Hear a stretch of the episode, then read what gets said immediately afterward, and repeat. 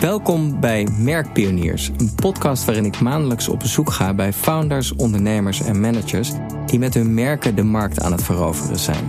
Wat zijn hun belangrijkste lessen rond het bouwen van een merk?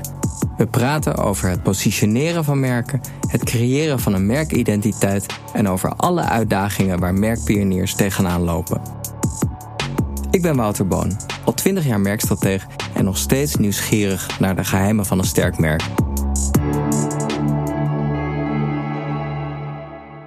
Rosa Groothof is creative director bij online supermarkt Crisp. Rosa studeerde concept en design aan Academie Artemis. En voorafgaand aan haar huidige rol was ze head of design bij Bloemon, een bezorgservice voor bloemen. Sinds de oprichting van Crisp in 2018 is ze bij dit snelgroeiende merk betrokken. Een merk dat twee foodtrends prachtig combineert. Lokaal en vers enerzijds en delivery anderzijds. Een tijdje geleden beschreef ik Crisp in een column voor Marketing Facts als een super consistent merk waarbij de versheid in de naam zit. Aan alles voel je dat er goed is nagedacht over dit merk. Naam, huisstijl, customer journey, beeldtaal en de copy. Het verbaast me dan ook niet dat de communicatie rond Crisp diverse prijzen won. Uh, voor zowel effectiviteit als creativiteit. Dus daarom ben ik heel erg nieuwsgierig naar de diepere verhalen over dit merk. En ik ben nu uh, op bezoek bij Rosa en bij Crisp in de Pijp in Amsterdam. Uh, dank voor de uitnodiging, ja. Rosa. En we zitten hier, ja, in een, het voelt een bijna als een soort woonblok weggestopt, anoniem. Geen naam, geen, geen, geen naam op, de, op de bel. Dit gebouw, nee, ja. Maar wel lekker midden in de pijp. Dus dat zal wel fijn uh, kantoorhouden zijn hier. Zeker, het is heel uh, nou, fijn, fijn dat je hier bent. Um, en het is heel. ja. ja, sorry, ik ga meteen door op ja. Uh, nee, het is heel fijn om gewoon midden in de stad te zitten. En, uh, en daardoor ook lekker rond te kunnen lopen in de menigte en drukte. Echt een hele fijne plek om een kantoor te hebben. Luxe, vooral ook luxe om naar werk te kunnen fietsen. Dat realiseer ik me elke dag dat dat heerlijk is. Ja. voor vele anderen. En het is ook heel lekker om naar buiten te kunnen lopen. En, uh, Even Surinaams te kunnen halen. Of zo. Precies. Heel divers te kunnen eten hier in de stad. Zeker, zeker. Ja, wat ik, wat ik altijd doe in deze podcast, ik begin eigenlijk in een vorige baan van ja. jou. En dat vind ik leuk, om, omdat je natuurlijk gedurende je hele carrière interessante lessen opdoet. En jouw stap hiervoor, of jouw uh, baan hiervoor, was bij Bloemon.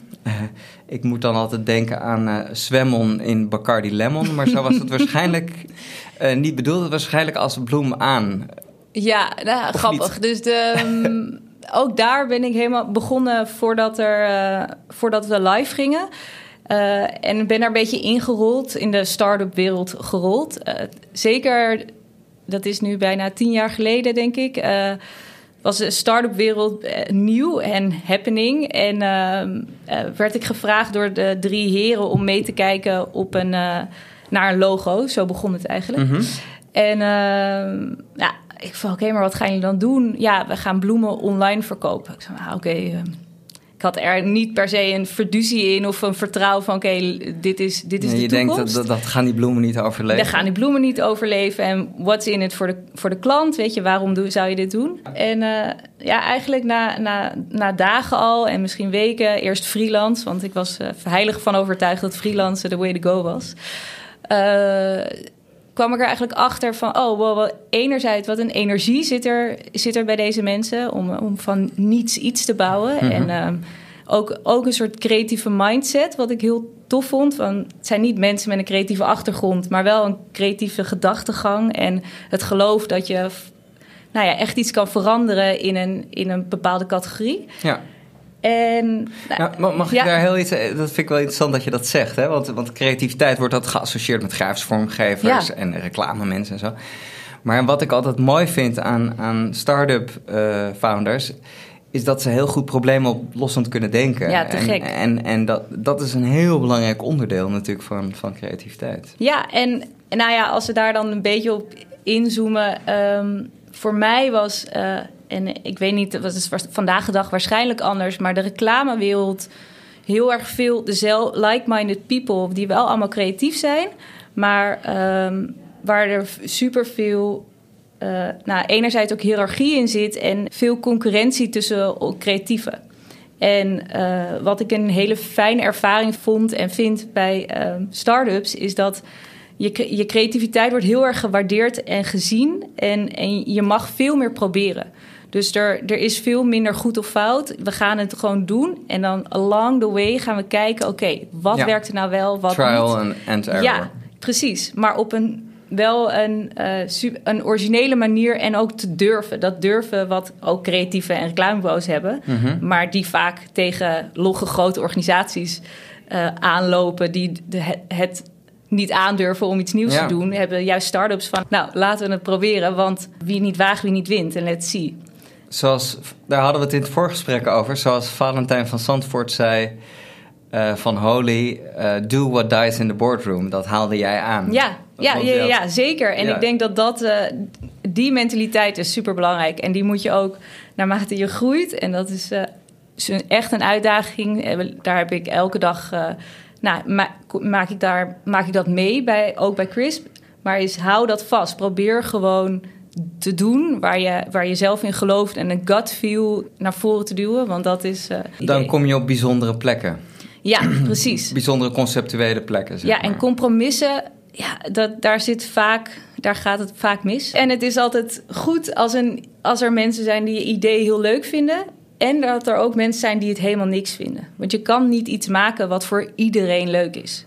Ja, als je alles voor iedereen wil zijn, dan ben je eigenlijk niets voor niemand. Precies. Ja. ja.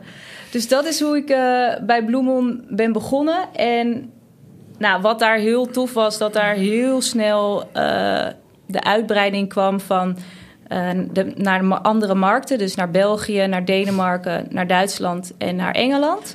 We realiseerden heel snel binnen anderhalf jaar: oké, het is nog geen internationaal merk. Het is heel erg Nederlands. Mm -hmm. Dus hoe gaan we dat veranderen? En toen heb ik een hele rebranding gedaan van het merk. En Toen bestond de naam al? Ja, de naam bestond al. Dus de, ja, de naam is, is een soort... Die was nog vrij? Nee, ja, nee. simpel gezegd, wat, dat is grap. Maar ik heb daar weinig mee te maken gehad met de naam, want die was al gekozen. Ja. Uh, en toen we de rebranding hadden gedaan, dacht, ja, wij hadden ook een soort geloof van: oké, maar iedereen is al zo bekend met die naam. We moeten, hem, we moeten daar nu niet uh, aan veranderen. En tegelijkertijd is het ook internationaal een prima naam om te begrijpen wat wij doen. Ja. Bloem on. Misschien is hij internationaal nog wel beter, beter dan, dan, Nederland, dan, Achteraf wel. Ja. ja. Dus, dus daar heb je niet aan gezeten, maar waar heb je wel Daar we niet aan gezeten. We hebben wel gewoon het hele merk geïnternationaliseerd en ook gekeken hoe zorg je nou eigenlijk lokaal versus global, uh, globaal. Van hoe zorg je nou, wat is nou het merk en wat moet je per markt aanpassen, omdat je simpelweg met, met iemand anders praat. Ja, wat daar heel interessant is, denk ik dat uh, bloemen hebben wij aangepakt als een soort modelijn. Dus net zoals uh, mode heb je elk seizoen iets anders. Nou, bij bloemen ook. Je hebt letterlijk andere seizoenen in de, ja. andere bloemen in het seizoen. En je, wij hebben elke keer gewoon een, een, collectie gemaakt en daarin gekeken hoe we dat kunnen presenteren. En daar zag je dat bijvoorbeeld Denemarken en België heel erg interieurwise op Nederland lijkt, op onze doelgroep in Nederland leek. En dat je daar dus heel makkelijk één op één dezelfde bossen kon leveren. Maar wat je zag in Londen, dat dat op bloemengebied super conservatief was. Dus wij hebben letterlijk heb ik met dan de bloemstylist gezeten om te, te, kijken van oké, wat gaan we doen? En we hebben de bossen aangepast. En heel ander design, hele andere boeketten. En bedoel je met conservatief dan een soort traditioneel in hoe bloemen er, ja. hoe een boeket eruit moet zien? Ja, en wanneer je bloemen koopt. Dus uh, Nederlanders, maar ook in, in België en in Denemarken werd er veel meer en we hebben het nu over een tijd geleden, hè, maar ja. hebben we veel meer bloemen gekocht om, om gewoon uh, je, je kamer op te frissen en kleur te geven.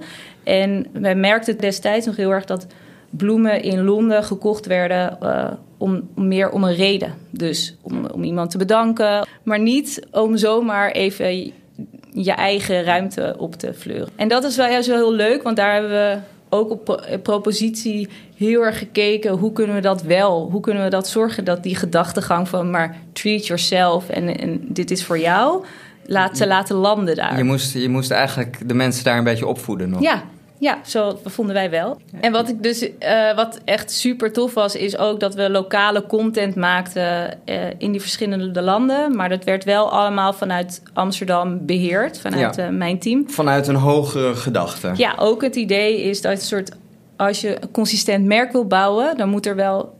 Je kan wel verschillende markten betreden, maar er moet wel een bepaalde cohesie in zitten. Ja. Anders Tuurlijk. kladdert het en dan is het niet meer één verhaal. Is dat iets waar je nu al mee aan het werk bent? Nou, wat mijn, de les die ik daaruit heb meegenomen naar CRISP is dat wij toen we gingen onderzoeken welke markt gaan we doen en, en de, al snel uitkwam van oké, laten we starten bij België.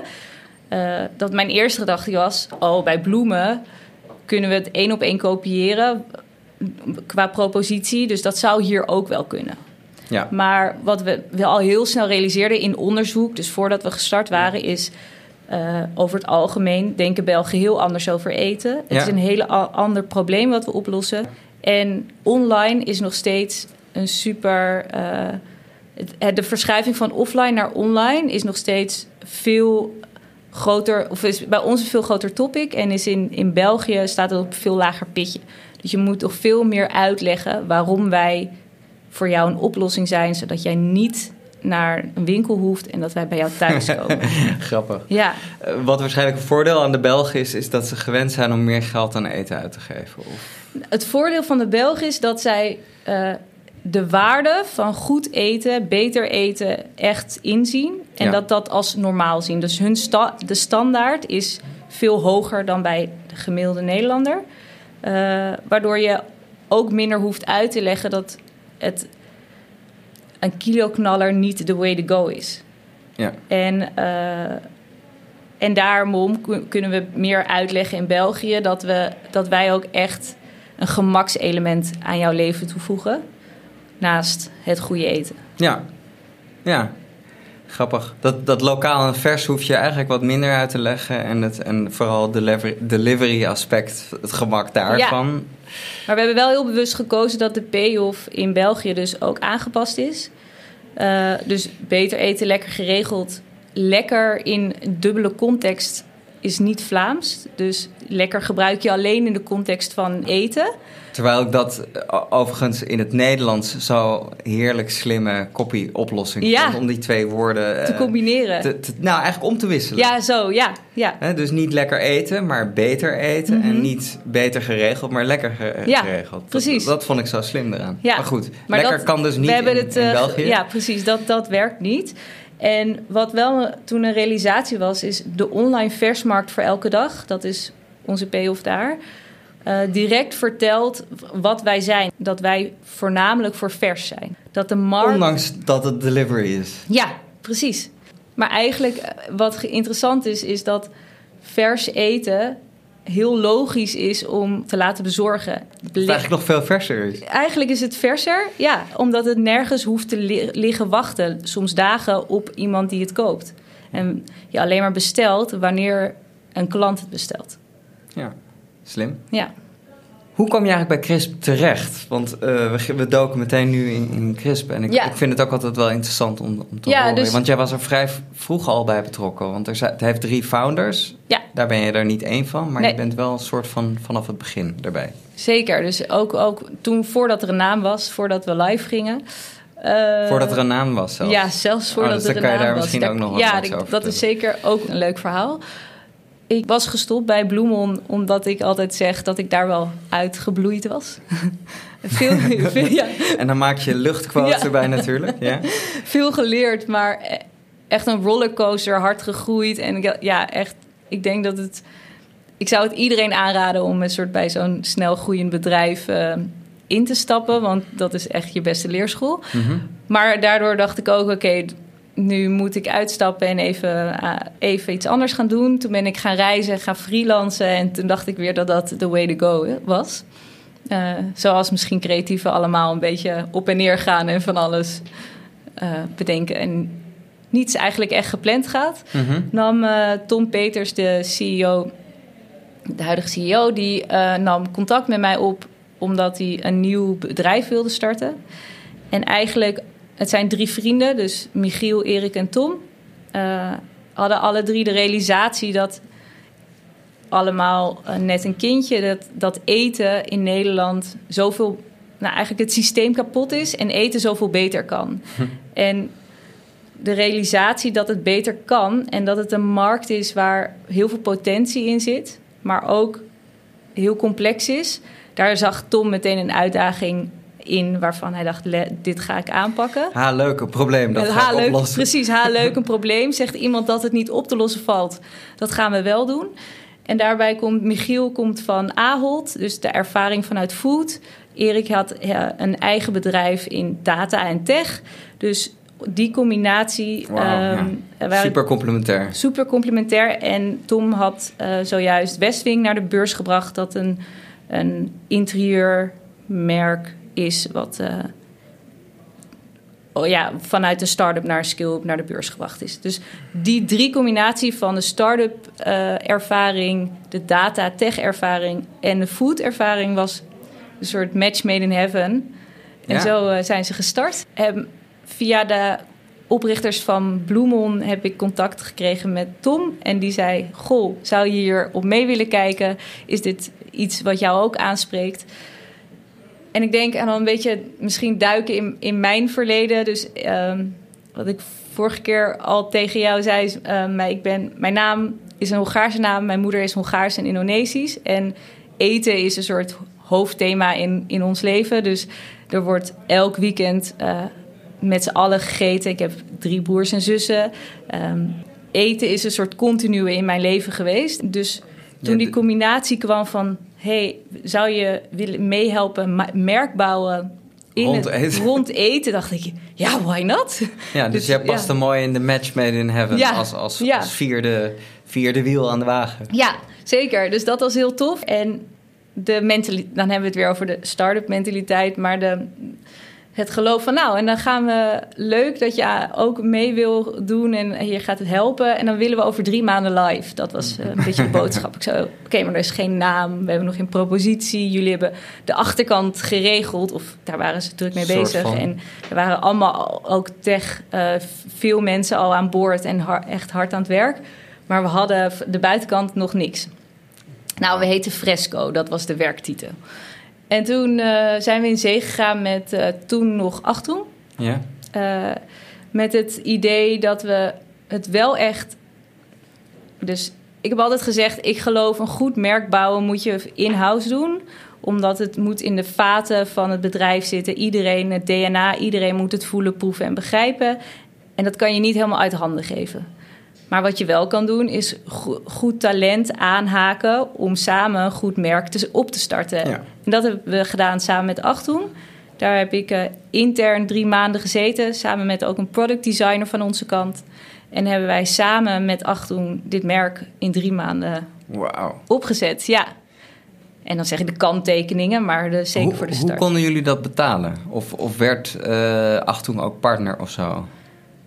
Uh, nee, er was een startkapitaal, dat, is, dat was geregeld. Oh, en dat, daar, was geregeld. dat was geregeld. En, en het is een bewuste keuze van de founders geweest, omdat daar ook een groot deel uit te geven aan merk. Omdat zij geloven, ja, als we het doen, moeten we het goed doen.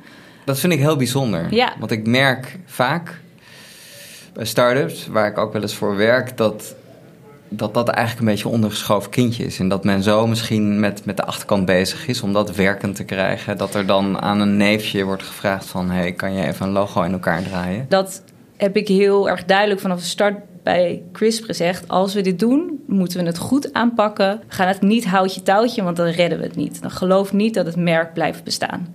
En ja, daar, daar waren ze het helemaal mee eens. Dus dat... Uh...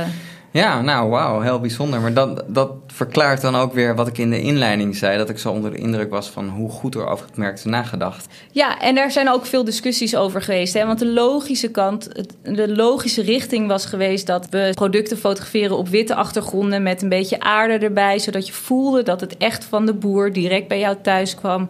Ehm, en dat je in, in kleuren en look en feel veel meer de kant op gaat van de biomarkten en, Mhm. en die richting. En ehm, het gevoel had van, nou, een beetje geitenwolle sokkenkant. Omdat daar heel erg het eerlijk en beter eten hoek zat en zit. Ja.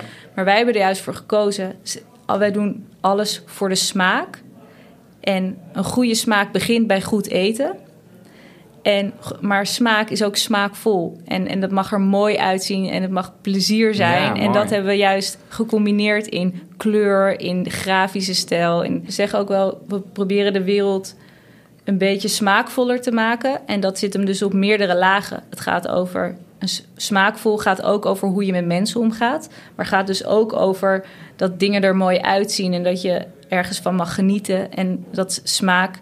Dus som, je kan ook een winkel hebben waar alles goed is, maar niet lekkerder is. En daar, daar geloven wij niet. Wij geloven niet dat mensen daarvoor zullen kiezen. En dan ook niet beter gaan eten. ja. Dus daar. eh, en, het, en ik denk het vertrouwen, denk ik ook van de drie eh, founders, dat zij ook dachten van ja, we gaan, we- dit is een beetje een ballsy step. Je had ook gewoon voor veilige keuze kunnen gaan. Dat, eh, dat vind ik heel tof. Ja, even over wat je net zegt over, Ja. over ehm, bijvoorbeeld dat je met aarde en eh, bio en direct van de boer. Als je eens kijkt naar het strijdtoneel, hè? Je, Ja. stel je hebt een spectrum. Aan de ene kant zit dan de, de flitsbezorgingsmarkt. Dat aan alle, alle kanten voel je dat dat wringt. Mhm. Ehm, ze kunnen niet uit. eh, ze hebben dark stores. Ja. Eh, de, de, de werknemers worden uitgeperst om even alle negatieve Mhm. dingen die in het nieuws komen. En dan heb je aan de andere kant heb je, heb je Crisp. Eh, hè, dat is een mooi bedrijf, een mooi merk en super eh, standvastig. eh, een punt op de horizon. Ja, Ehm, wat ik me afvroeg, want markt met een Q. Ja. Eh, ik, ik sprak een keer een van de founders daarvan, informeel, en die zei van ja, het is best moeilijk om winst te maken. Eh, ze hebben het ook nooit helemaal gered.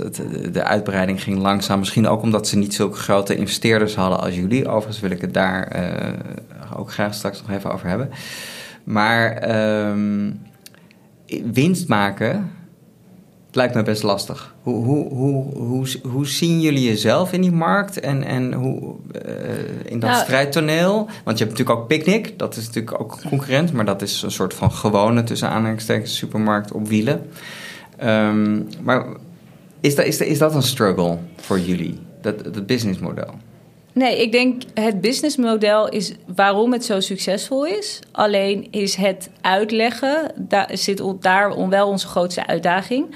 Ehm, maar simpelweg omdat wij geen winkels hebben en alleen maar inkopen als de klant bij ons iets bestelt, zorgt ervoor dat wij een eerlijkere prijs kunnen aanbieden. Dus dat het niet duurder is. En zorgen wij er ook voor dat jij langer van producten kan genieten. Dus wij geven letterlijk de THT aan de klant. Wat is dat? Even De THT, eh, oh ja, de, ehm, de houdbaarheidsdatum. Eh, dus de eieren die wij eh, verkopen, die worden gisteren gelegd en aan, en aan jou geleverd. Eieren die je in de supermarkt eh, eet, die liggen daar soms al vier, vijf dagen, waardoor Ja. je gewoon minder verse eieren hebt. Daarnaast hebben wij eh, hebben wij Marieke, een category manager, die, die drie jaar lang naar het perfecte ei heeft gez- gezocht. En zorgen wij ervoor dat wij dus alleen maar één ei aanbieden in plaats van twintig soorten. Ja. Dus het geen hebben van winkels en onze slimme manier van, van tech gebruiken om in te kopen wanneer, wat de klant wil, zorgt ervoor dat wij eh, geen derving hebben en ook dus, daardoor dus ook een eerlijkere prijs kunnen bieden. De, eigenlijk hebben jullie de perfecte Blue Ocean ontdekt, waarbij je eh, en een behoefte van een klant vervult, namelijk eh, vanuit de luie stoel bestellen. Ja, Ehm, en tegelijkertijd hoeft dat helemaal niet veel duurder te zijn. En wat er ook nog eens aan vast zit, is dus die, die selectie. Ja, en ik denk ook daarom proberen wij ons eh, in plaats van als retailer meer als curator eh, onszelf neer te zetten. Dus wij cureren producten, wij, wij proeven, wij stellen waarom vragen bij alle verschillende eh, producten die wij verkopen, zodat je dat zelf niet hoeft te doen. De food chain is zo ingewikkeld, waardoor ehm, er vragen over stellen ook heel moeilijk is. Dus wat, wat voor een antwoord krijg je dan en waarom Waarom kies je dan voor, bepaalde dingen?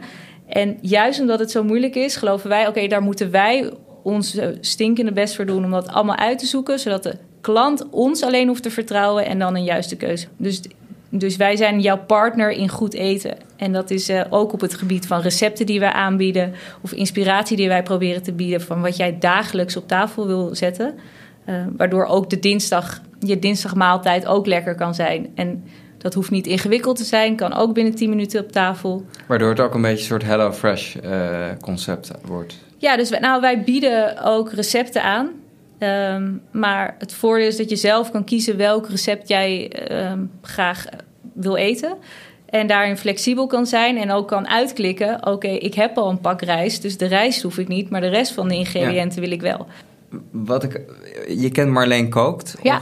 Ik kan me voorstellen dat, ook, dat er in kant-en-klare maaltijden eh, nog heel veel groei kan zitten. Omdat de mensen die natuurlijk jullie, jullie propositie uh, waarderen die vinden het natuurlijk ook heerlijk als jullie uh, twee keer per week een verse maaltijd komen brengen. Ja. Zodat je helemaal niks meer hoeft te doen. Ja, wij hebben ook dit jaar uh, de Eetfabriek overgenomen. En dat is een vers, uh, vers en bereid partij die verse maaltijden maakt. En daarmee zijn we ook aan het kijken hoe kunnen we nou goede vers en bereid ingrediënten uh, maken voor onze klant. En ook aan het kijken hoe uh, supplementen, dus alleen maar gebakken aardappels of alleen maar bepaalde groentes of salades, zodat je zelf ook kan bepalen: oké, ik wil wel mijn kip zelf bakken of wel mijn halloumi, uh, maar mijn aardappels niet. En dus dat, dat is een grote, wordt steeds een groter onderdeel van onze verkoop. Maar even een ander onderwerp, want ik had nog een paar vragen en voordat we het weten um, is de tijd alweer om. Ik was toch ook benieuwd naar, naar die investeerders. Want eh, grote namen als uh, Adriaan Mol van Molly, uh, John Casper van Adyen, uh, Jitske Groen van Just Eat. Die zowel in de fintech als in, de, in, de, in, in het eten zitten. Maar echt de, zeg maar de mannen die, die bij wijze van spreken op, op papier al een miljard waard zijn. Die, die investeren ook in jullie. En waarom zijn jullie zo geliefd bij dat soort grote namen? Nou, de categorie food is, is de grootste categorie um, waar je in zou kunnen investeren. En daar zie je twee trends. Je ziet de shift van offline naar online ja. steeds groter worden. Mm -hmm. En daarnaast uh, is er nog nooit zoveel behoefte en beweging geweest in de mindset van mensen naar wat ze eten. Dat zien ook investeerders. En ja. dat heeft dus te maken met uh, een bedrijf en merk bouwen wat op een echte missie zit. Waar, waar mensen, uh, klanten achter kunnen staan, maar ook werknemers achter kunnen staan. Voor de lange termijn. Ja, en, dat, en dat is wel grappig, want dat zien die Nederlandse investeerders natuurlijk ook. Ja, sterker nog, daar, worden we het meest, daar wordt het meest naar gevraagd. Wat is de lange termijn visie? En daarom uh, gaan ze aan en zeggen ze: Oké, hier ga ik achter staan. Grappig. Dan misschien nog leuk, want je zei net dat jullie een intensieve tijd samen hadden gehad met Achtung, tegenwoordig ja. Dentsu. Ja. Ik ken Boris Nieholm. Ja. Uh, volgens mij is dat de stratege die ook heel veel meegedacht heeft. Zeker. Uh, en uh, wat ik even benieuwd was, want jullie hebben toen een huisstijl en hebben jullie toen ook de app meteen ontwikkeld? Was dat zeg maar een ja, parallel was, traject? het was allemaal één traject en nou ja, wat ik al, al zei, we gingen binnen drie maanden live. Dat was met de app, dus die moest ook af zijn. Dus en, dat, en dat was dus gewoon drie maanden fulltime knallen op alle aspecten van de app en de huisstijl. Ja, en daarom was het zo leuk dat we bij Achtung zaten met ons team. Dus dat we daar allebei op werkten en dat samenbrachten.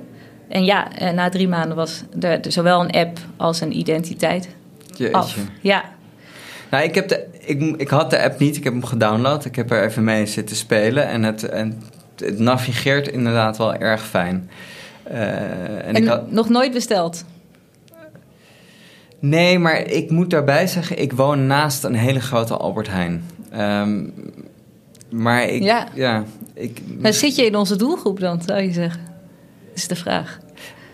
Zit ik in de, onze doelgroep? Ja, zit jij in onze doelgroep? Ja, ja, ik zit zeker in de doelgroep. En wat overtuigt dan niet dat, uh, om het uh, te proberen in binnen deze afgelopen vijf nou, jaar? dat ik naast een hele grote supermarkt woon. Voelt als een hele grote pantry.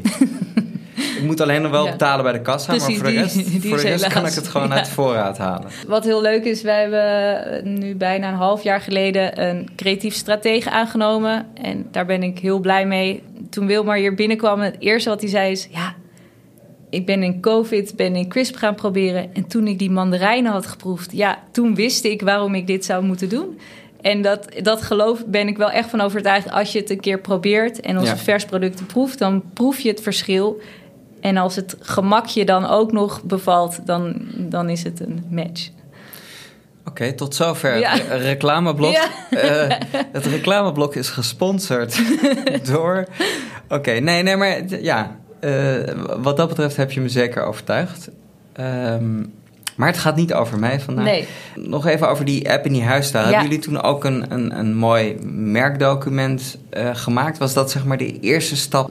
Lag dat aan de basis van alles? Ja, en wat, wat misschien nog wel leuk is om daar, wat daaraan gelinkt is, is hoe wij op de naam kwamen. Want we hinkten heel erg op. Nou, eigenlijk waren er drie opties. En ik, ik heb, laat nu op mijn laptop wat zien waarin je de kleur, de, onze groen ziet met drie namen. Ja. Uh, met crisp, peanuts en chop.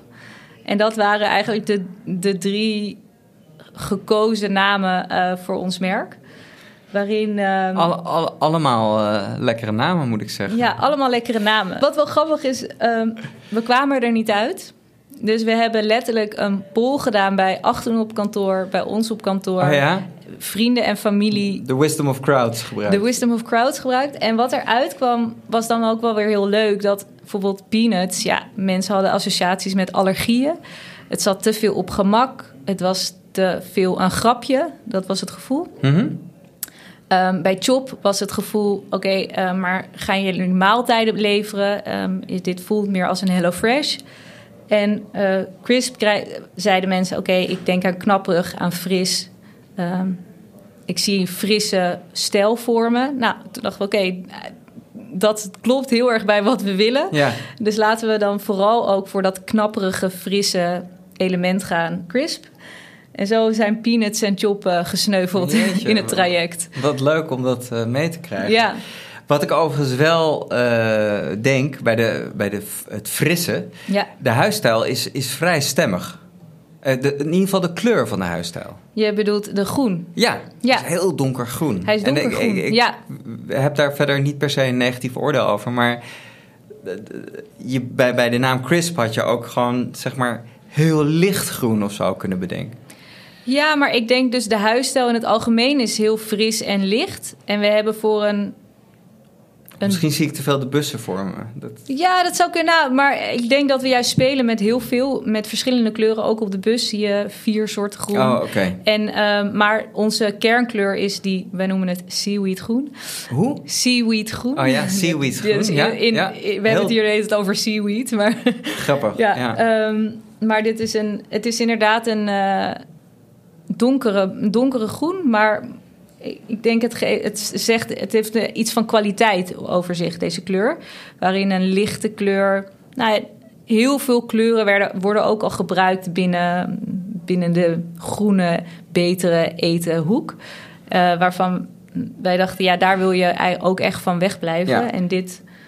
Um... Nou, ik vind dat om iets positiefs ja. over te zeggen, dat, dat dit groen uh, heel erg kwaliteit uitstraalt. Ja, dus het is een kwalitatieve kleur. Ja, zeker. Zeker. En dan zie je volgens mij ook weer dat als je niet een standaard kleur uit het palet kiest, dan ben je instantly ook bijzonder. Precies. Dus de, de opdracht natuurlijk voor onszelf was hoe zet je jezelf anders neer dan wat er al is in de markt. En we hebben een eigen categorie gecreëerd. Dat moet je ook in je look en feel doen. Dat hebben we met deze groen benadrukt, omdat het iets over kwaliteit en uh, maar tegelijkertijd de groene kleur wel iets zegt over waar we mee bezig zijn. Mhm. Ehm, en dat het opvalt. Ik krijg steeds meer de indruk dat het geheim van Crisp uh, tot nog toe... en let's not knock on wood, hè, want jullie zijn er nog zeker niet... maar nee. uh, dat het geheim is dat jullie gewoon bij alles... zeg maar fundamenteel en, en kwalitatief nadenken over de keuzes die jullie maken... en waar jullie in investeren. En, ja, zeker. Daar doen we erg ons best voor, inderdaad. En dan ga ik nog één, uh, laatste onderwerp, nog één flauw dingetje. Ik, ik heb me natuurlijk een beetje ook verdiept in de creatieve uitwerking van het merk. En ik zag twee commercials. Ja. Uh, en die waren volgens mij een jaar na elkaar of zo uh, gemaakt.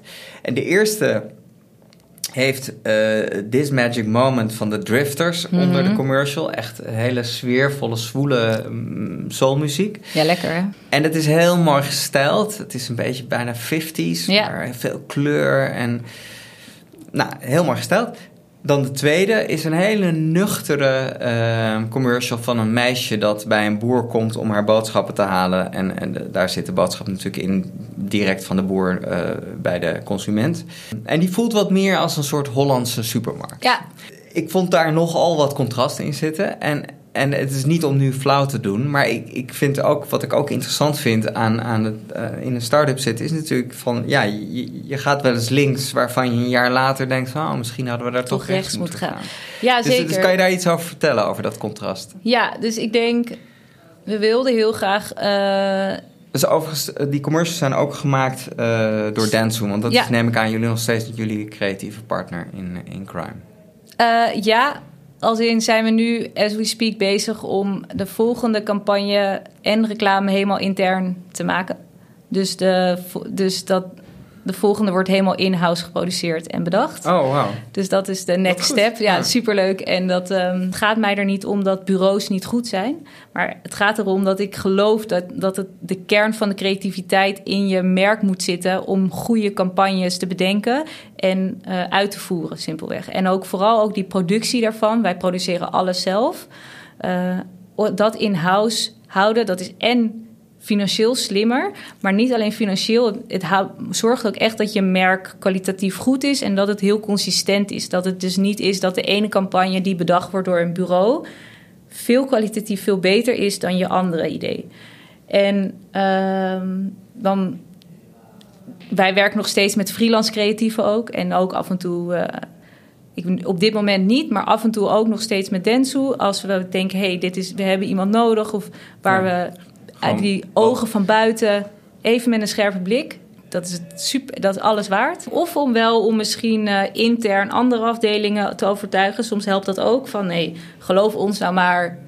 Weet ja. je, van buitenaf wordt dit ook gewaardeerd. Het grappige is dat ik, ik weet niet precies hoe lang geleden, maar laten we zeggen een jaar of tien geleden was er een discussie in het reclamewereldje. En toen zei volgens mij een oud reclameman, uh, of, of, toen nog actief reclameman Wim Ubachs, die zei dat alle bedrijven een creatief directeur aan boord zouden moeten hebben. En die werd toen een, een beetje uitgelachen. Um, maar de grap is dat dat tijdperk is wel echt aangebroken. Dat, dat, dat bedrijven gaan inzien dat je creativiteit ook in ieder geval deels, op zijn minst deels in huis moet. En, ja. en wat misschien ook uh, toch, toch de reclamewereld een beetje heeft opgebroken in, in, in laatste decennia is, mm -hmm. is, is, je betaalt je er helemaal scheel aan. En ik denk dat, ja. dat, en dat, dat ook een ja, dus, is. Precies. En, maar ook dat je de, veel dieper de inhoud in kan. Hè? Dus, de, dus de strateeg in mijn team, die kan zowel met Tom als met een category manager... als met iemand uit logistiek gaan zitten en zeggen: Maar vertel ja, me nou ja. even. Leg, waarom, me, leg het me ja. nog een keer uit. Ik begrijp het niet. Want als, en als ik het niet begrijp, kunnen we er niks over vertellen.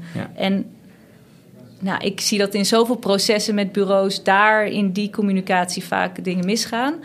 Dat is een mooi bruggetje. Ja. Naar de twee commercials ja. waar we het over hadden. En toen gingen we een soort zijpaadje in. En, uh... Ja, dus de twee commercials. Dus de eerste commercial uh, ging, was een hele emotionele commercial wij wilden heel graag het merk introduceren met dezelfde look en feel hoe we ook het merk bedacht hadden. En het ging over de liefde, een ode, de liefde voor lekker eten. Ja, je ziet mensen ook heel erg genieten van een aardbei of zo. Ja. Of, uh, ja. Het gaat over het moment dat je een croissantje eet, een aardbei eet, dat je geniet van dat moment. Ja. Uh, nou, daar waren we ook heel blij mee en dat, dat ging ook goed. Maar wat je, naarmate je groeit, je groeit ook... Um, in, in publiek en naamsbekendheid en ook uh, uh, intern. En krijgen we een research team die onder, gaat onderzoeken ook van ja, wat vindt de klant dan eigenlijk en hoe slaat het aan. En daar kwam heel erg uit, en dat is denk ik ook terecht, de feedback van ja, maar wat zijn jullie nou eigenlijk?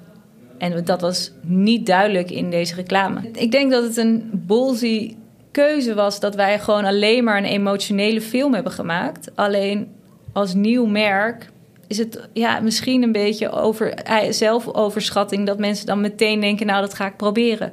Als er niet uitgelegd wordt waarom wij beter zijn of waarom jullie wij. zaten zo goed in dat merk Ja. dat jullie het wilden vieren, Ja. maar, maar vergaat van: oh ja, je moet echt op een heel basaal niveau beginnen met uitleggen. Ja. Wat, wat, En toen we dat eigenlijk heel sec aangepakt van oké, en dus wat zijn we nou en hoe kunnen we dat nou goed vertellen? ja. Eh, met een kleine link van wij zijn nog een kleine speler, dus het uit, de uit blik vanuit een kind de waarom-vraag stellen en daarmee langs al onze makers eh, een film maken was een logische keus. Ik denk wel een hele functionele film. En ik denk dat de waarheid ligt ergens in het midden. Wat ook wel weer lekker is, dat je hier al dan ook weer heel veel van leert en dat dus nu mee kan nemen. We hebben overigens ook eh, voor afgelopen zomer een reclame gemaakt in België. Want ik denk dat dat wel een combinatie is geworden van beide. Die wel veel emotioneler is en in sfeer. Maar daarin hebben we de vertaling gemaakt van de online versmarkt of de versmarkt bij jou thuis. En daar zie je eigenlijk op een soort magische manier de versmarkt bij een klant thuis. Dus ik denk dat we hem daar eigenlijk, ze- zeker als introduc- introductiecampagne in België, heel goed spot-on op merk. Nou ja, dan is het mooi dat je het een paar keer in Nederland hebt geprobeerd en dat je dan Zeker. heel goed binnenkomt, hopelijk in, eh, in België. Ja, dat hoop ik ook. En, en wij zijn dus nu, as we speak, bezig eh, met de campagne voor ehm, back to school, noemen wij dat dan, voor het moment na de zomer, om eh, ook op tv te gaan. En dat bedenken en produceren we dus ook helemaal Jeetje. zelf. Ja, dus dat is superleuk. Ja, En ehm, wat een leuke baan heb jij. ja, echt te gek. Het is ook spannend en weer allemaal weer, ja, je loopt ook tegen weer dingen aan, maar dat maakt het eh, elke dag eh, leuk om hier te werken. Nou, dat vind ik een hele mooie eh, afsluiting. En, eh, en heel veel succes. Ik, ben, ik ga jullie natuurlijk nog nauwer volgen. En, eh, en misschien moet ik inderdaad maar eens wat gaan bestellen. Zodat ik ook eh, het, het, het met, met mijn mond kan beleven. Precies, het is at least try en dan, dan mag je zelf oordelen of Ja. het waard is. Dankjewel, Rosa. Ja, dankjewel. Dank voor het luisteren naar Merkpioniers. Een podcast van Wouter Boon over merken die de markt aan het veroveren zijn.